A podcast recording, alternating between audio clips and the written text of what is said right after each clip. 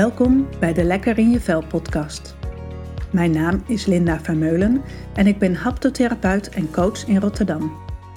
In mijn praktijk Pura Rotterdam zie ik dagelijks mensen die weer lekker in hun vel willen zitten. Maar wat is dat dan? En waarom zit je dan nu niet meer lekker in je vel? In deze serie belicht ik thema's waar je zoal last van kunt hebben. Ik ga daarover in gesprek met klanten en collega-haptotherapeuten. Mensen waar ik bewondering en respect voor heb. Dat wissel ik af met afleveringen waarin ik steeds een aspect uit de haptonomie belicht. Luister je mee?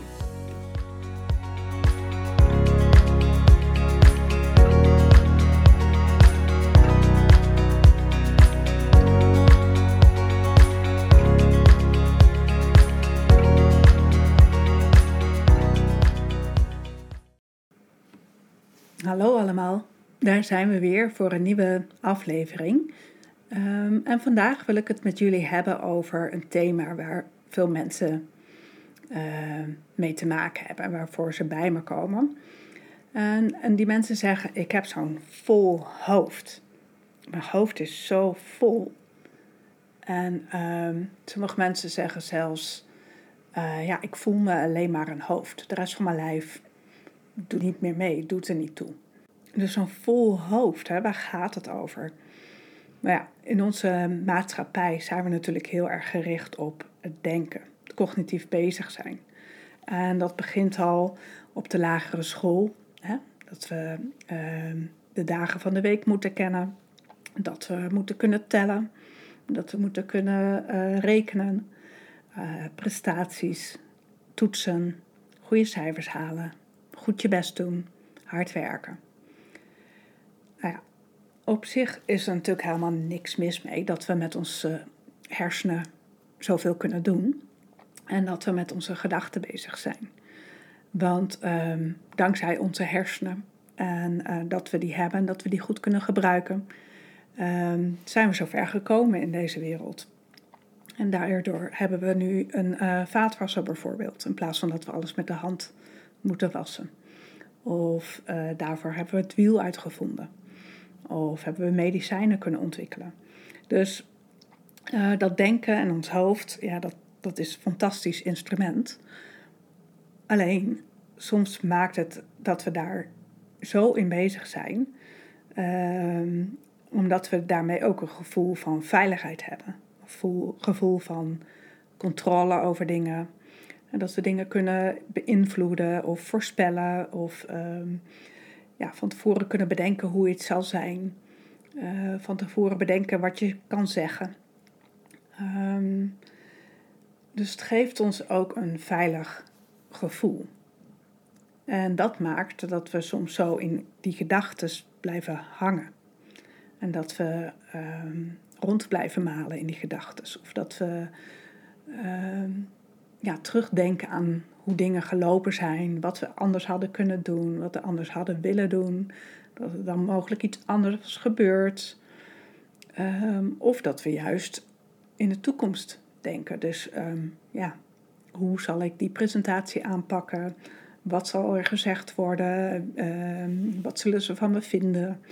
Wat gaat er dan gebeuren? En hoe kan ik daar dan weer op reageren? Dus ja, dus of meer in het verleden, of juist meer in de toekomst. Maar eigenlijk zijn we dan steeds minder in het hier en nu. En dat is toch waar het leven zich voornamelijk afspeelt. Um, dus hoe kunnen we meer in het moment zijn, daar ook meer van genieten, meer openstaan voor wat er gebeurt en daar weer op inspelen. En um, nou, in haptonomie gaat het ook over balans tussen voelen, denken en doen. Dus hoe krijgen we daar meer balans in? Hoe kunnen we ons hele lijf meer meenemen? En niet alleen dat grote, volle hoofd zijn. Vandaag wil ik met jullie twee dingen doen. Ten eerste wil ik kijken naar hoe je emotionele aansturing van invloed is op de manier van denken. En ten tweede wil ik een oefening met jullie doen om uh, te ervaren hoe je hoofd aanvoelt en hoe de rest van je lijf aanvoelt. Daarover later meer. Maar eerst ehm, de emotionele aansturing en je manier van denken. Nou, iedereen kent wel als je heel blij bent uh, of dat je verliefd bent, dat je dan allerlei mogelijkheden ziet um, en dat je ja, meer kansen ziet en minder denkt in allerlei dingen die fout kunnen gaan. Maar als jij angstig bent, dan denk je veel meer aan de risico's of aan de bezwaren of aan dingen die fout kunnen gaan. Dus um, het gevoel in het moment zelf uh, bepaalt ook hoe jij over dingen denkt. Tegelijkertijd is het ook zo dat je bepaalde basisemoties vaker laat zien dan andere. Um, en dat zegt dus ook iets over de manier waarop jij denkt.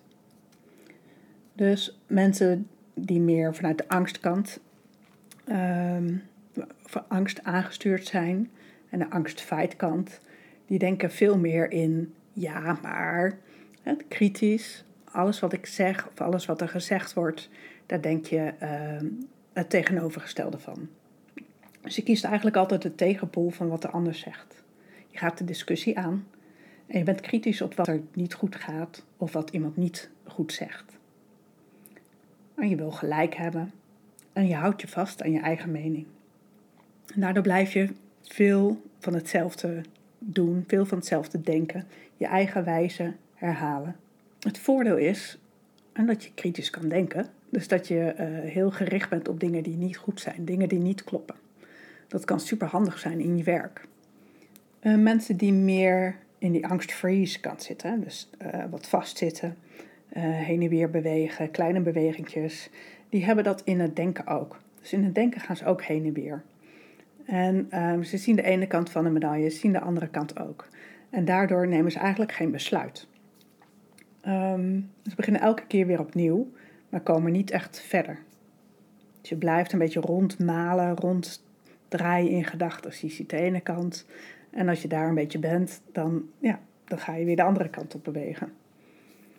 Je twijfelt, je zet in, maar stopt weer en dan ga je de andere kant op denken. Als je meer uh, van het uh, vluchten en het ontwijken bent, aan de angstkant, dan denk je vooral in risico's. Dingen die fout kunnen gaan. Dingen die uh, lastig kunnen zijn. Dingen die anderen van je kunnen vinden. Wat anderen zouden zeggen. Denk ook meer in abstracties. Dus in algemene termen, algemeenheden. Um, want dan hoef je ook niet zo concreet te worden. Want als je concreet wordt, ja, kan het zomaar zijn dat je ook iets moet gaan doen. Je denkt ook meer na over wat de ander zou moeten doen, zou moeten zeggen, zou kunnen zeggen, uh, om het jou gemakkelijker te maken. Dan vanuit de verdrietkant, dan denk je meer in bezwaren. Ja, je ziet de beren op de weg, je ziet de drempels, de hobbels. En je denkt eerder, dat kan ik niet. Anderen zijn veel beter of uh, zijn het veel meer waard, die kunnen veel meer dan ik. Ik ben niet zo belangrijk of ik doe er niet zo toe. Um, je kan ook ergens heel erg tegenop zien. Maar je kan ook heel erg blijven ronddraaien in gedachten, in ideeën, in concepten. Um, maar vaak na even jezelf bij elkaar te rapen, kom je in beweging. Nou, ben je meer vanuit blij aangestuurd? Ja, dan denk je vooral in mogelijkheden. Allerlei nieuwe ideeën komen langs en je vindt het eigenlijk allemaal leuk. Um, het zijn vaak variaties op eerdere ideeën. Dus alles is leuk, alles zou kunnen. En je kan eigenlijk ook niet kiezen, dus liefst ga je het gewoon allemaal doen, totdat dat weer te veel wordt. Um, je beweegt met ideeën mee van andere mensen. Um, maar die ideeën die jij hebt, al die ideeën die je hebt, ja, daar begin je aan. Maar um, echt doorpakken, doorzetten en het afmaken, dat is wat minder. En soms kan je heel verward raken in al die ideeën die je hebt en al die mogelijkheden die je ziet en alles wat leuk is. Dan mensen die meer van het boos zijn aangestuurd, ja, die weten het gewoon beter natuurlijk. Hè? Die denken in oplossingen. Zo gaan we het doen. Um, zo wil ik dat, dat we het gaan doen en laten we dat dan gaan doen met elkaar. Je zet je mening door, je beargumenteert en onderbouwt het. Ehm, je luistert minder goed naar wat anderen vinden. en niks doen, ja, dat is eigenlijk geen optie. Dat is niet nuttig. Dus we gaan vooral gewoon aan de slag oplossingen doen. Het leuke is dat al die manieren van denken ook hun voordelen en kwaliteiten hebben. En het zou mooi zijn als we daar natuurlijk wat meer gebruik van maken. Dus als je bijvoorbeeld tekst moet redigeren of moet zorgen dat de tekst helemaal precies goed en kloppend is, ja, dan is het wel handig om iemand ehm, te hebben die meer vanuit de angst fight is aangestuurd. En als het om veiligheidsissues gaat, is het goed om iemand te hebben die denkt in risico's, mogelijke gevaren, mogelijke dingen die fout gaan. Dus dan iemand meer vanuit zeg maar, de flight kant of de fight kant. Die ehm, goed kan nadenken over ja, wat er mogelijk allemaal mis kan gaan. Maar als je nieuwe concepten wil uitwerken of nieuwe ideeën wil ontwikkelen of ehm, ehm, ja, mogelijkheden wil zien voor de toekomst, ja, dan is het misschien handig om iemand erbij te hebben die wat meer vanuit blij is aangestuurd. Dus die uh, ja, meer mogelijkheden en kansen en ideeën en niets is gek genoeg denkt. En dat vind ik eigenlijk het leuke van ehm, ja, ons als mensen. Dat we gewoon allemaal anders zijn en dat het allemaal zo een kwaliteit heeft. Maar goed, het is wel leuk dat ik dat leuk vind. Maar ondertussen zit jij natuurlijk nog steeds met dat grote, volle hoofd. Wat moe is van al die gedachten die langskomen. Wat kunnen we daarmee? Vaak helpt bewustwording al. Dat je bewust wordt van, oh, nou doe ik het weer. Nou ben ik weer aan het overanalyseren van hoe die vergadering van gisteren gelopen is, wie wat gezegd heeft. Ehm, en dat je, als je daar bewust van wordt, dat je daar zo mee bezig bent, dan kan je ook gaan um, afvragen van ja, maar wat maakt dat ik dat doe? waar ben ik bang voor? Wat, wat zit erachter? Er zit de angst inderdaad om niet goed genoeg te zijn of niet aardig gevonden te worden of Ehm, ja, wat anderen van je zouden vinden of wat anderen van je zouden denken. Um, nou, wat zit er achter de gedachten die ik heb?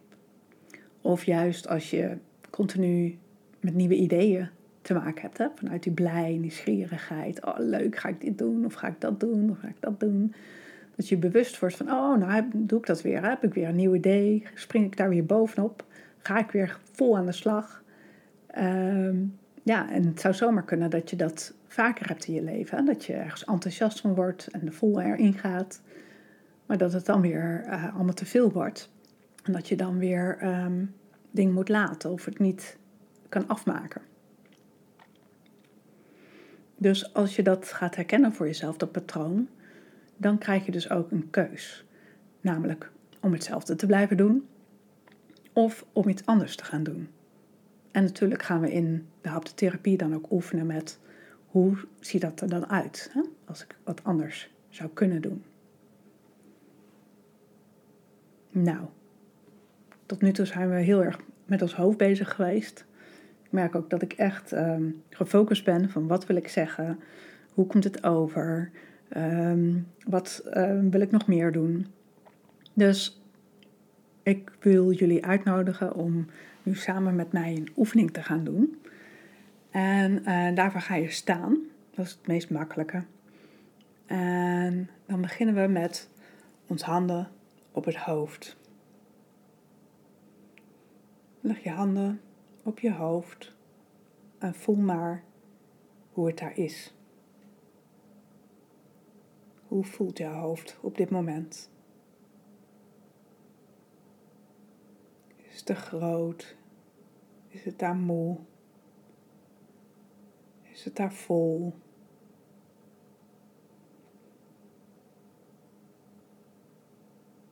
Sommige mensen zeggen ook wel eens: Oh, mijn arme hoofd. Misschien mag je het ook even omarmen, dat hoofd, dat het zo druk is. En voel maar gewoon hoe het daar is.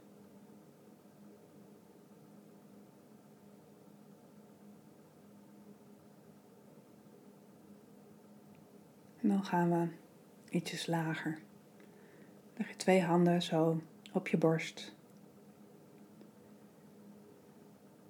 En voel maar, hoe is het daar?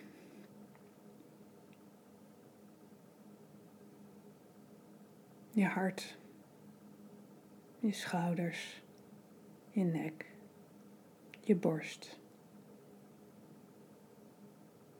Hoe is het hier? Is die groot of is die klein? Is die actief of is die rustig?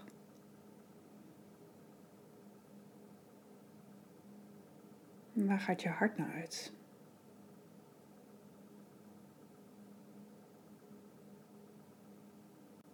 En dan gaan we nog een stukje lager. Leg je je handen op je buik. Of één hand op je buik en één op je onderrug. Voel maar wat voor jou fijn is op dit moment. En als je handen daar zo liggen,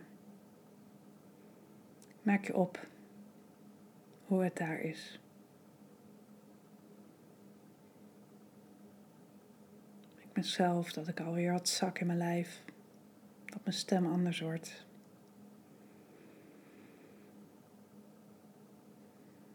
Dat ik rustiger word.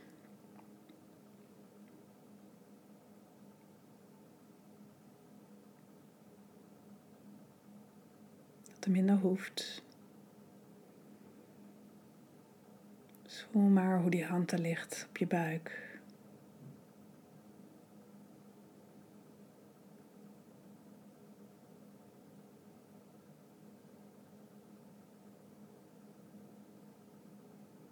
Voel maar hoe je ademhaling je buik doet bewegen.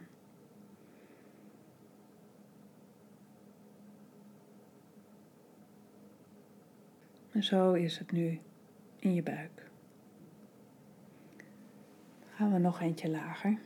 Dat je één hand op je schaambod en één hand op je staartbeen. En voel maar hoe het daar is. Is het leeg? Is het vol?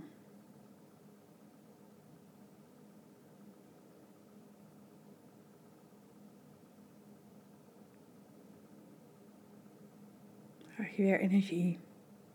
Voel je energie? Of voel je juist moe?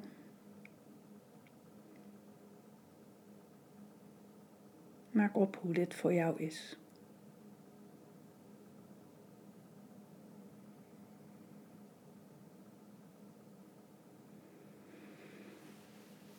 En dan laat je je handen weer los.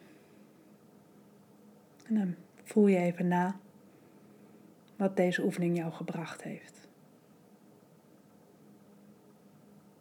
Is er iets veranderd? Is je hoofd nog zo vol als in het begin? Ben je iets meer gezakt in je lijf? Is je buik wat voller? Is je bekken wat voller? En eigenlijk kan je zeggen dat je, je lijf uit drie ballen bestaat.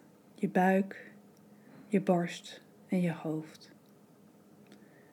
En als je hoofd zo vol is, dan ben je zo'n tollend poppetje wat heen en weer gaat met een vol hoofd en daaronder is het smal en leeg.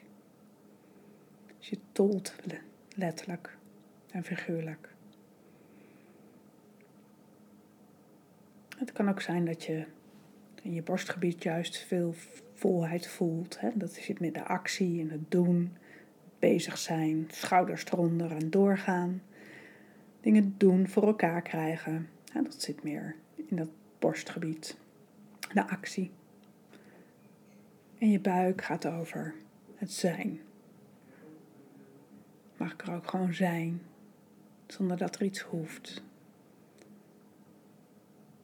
kan ik gewoon voelen wat er is, zonder dat er iets mee moet. En je bekken is eigenlijk de schaal waarop al die drie ballen balanceren. En hoe verhouden zich die ballen tot elkaar? Meer van het denken of meer van het doen of meer van het voelen? En die schaal die gaat eigenlijk over zin. Heb ik zin in dingen? En vitaliteit, energie of juist futloos, leeg, moe, slap. Ehm, het gaat over, ja, besta ik of leef ik? Hè? Heb ik zin in het leven? Heb ik vitaliteit? Uh, ga ik ergens van bruisen? Ga ik, uh, voel me ondeugend? Voel ik me uitdagend? Voel ik me ja, sensueel? Voel ik me uh, creatief en speels? Dus de basis en bodem gaat eigenlijk allemaal daarover. Dus voel maar hoe het voor je is. Of het anders is dan net. En deze oefening kan je natuurlijk zelf ook vaker doen. Gewoon even wat meer bewust te worden van je lijf. Hoe het op dit moment met je is. En om iets meer uit het hoofd te zakken en in het lijf te voelen. Um, ja, dit kan je eigenlijk altijd doen.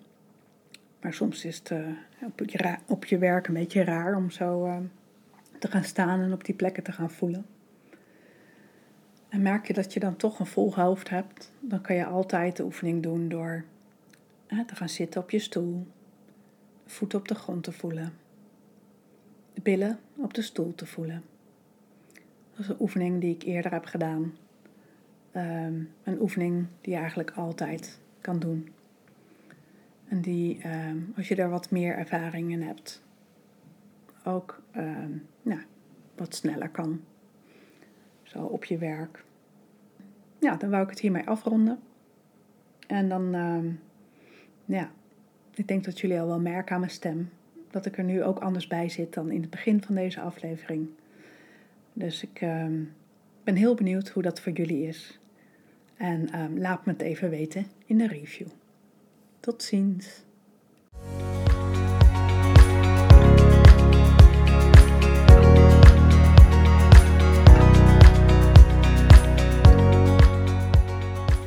Bedankt voor het luisteren naar deze podcast. Wil je nou meer weten over haptotherapie of het thema van deze podcast? Neem dan contact met me op. Dat kan door te mailen naar info@purarotterdam.nl of met me te linken op Insta. Vergeet niet je te abonneren op deze podcast, zodat je ook de volgende afleveringen kunt volgen, die jou kunnen helpen en inspireren om je lekker in je vel te voelen. Ik ben benieuwd wat je van deze aflevering vond. Laat je het even weten in de review. Ik hoor graag van je. Nogmaals, bedankt voor het luisteren en tot de volgende keer.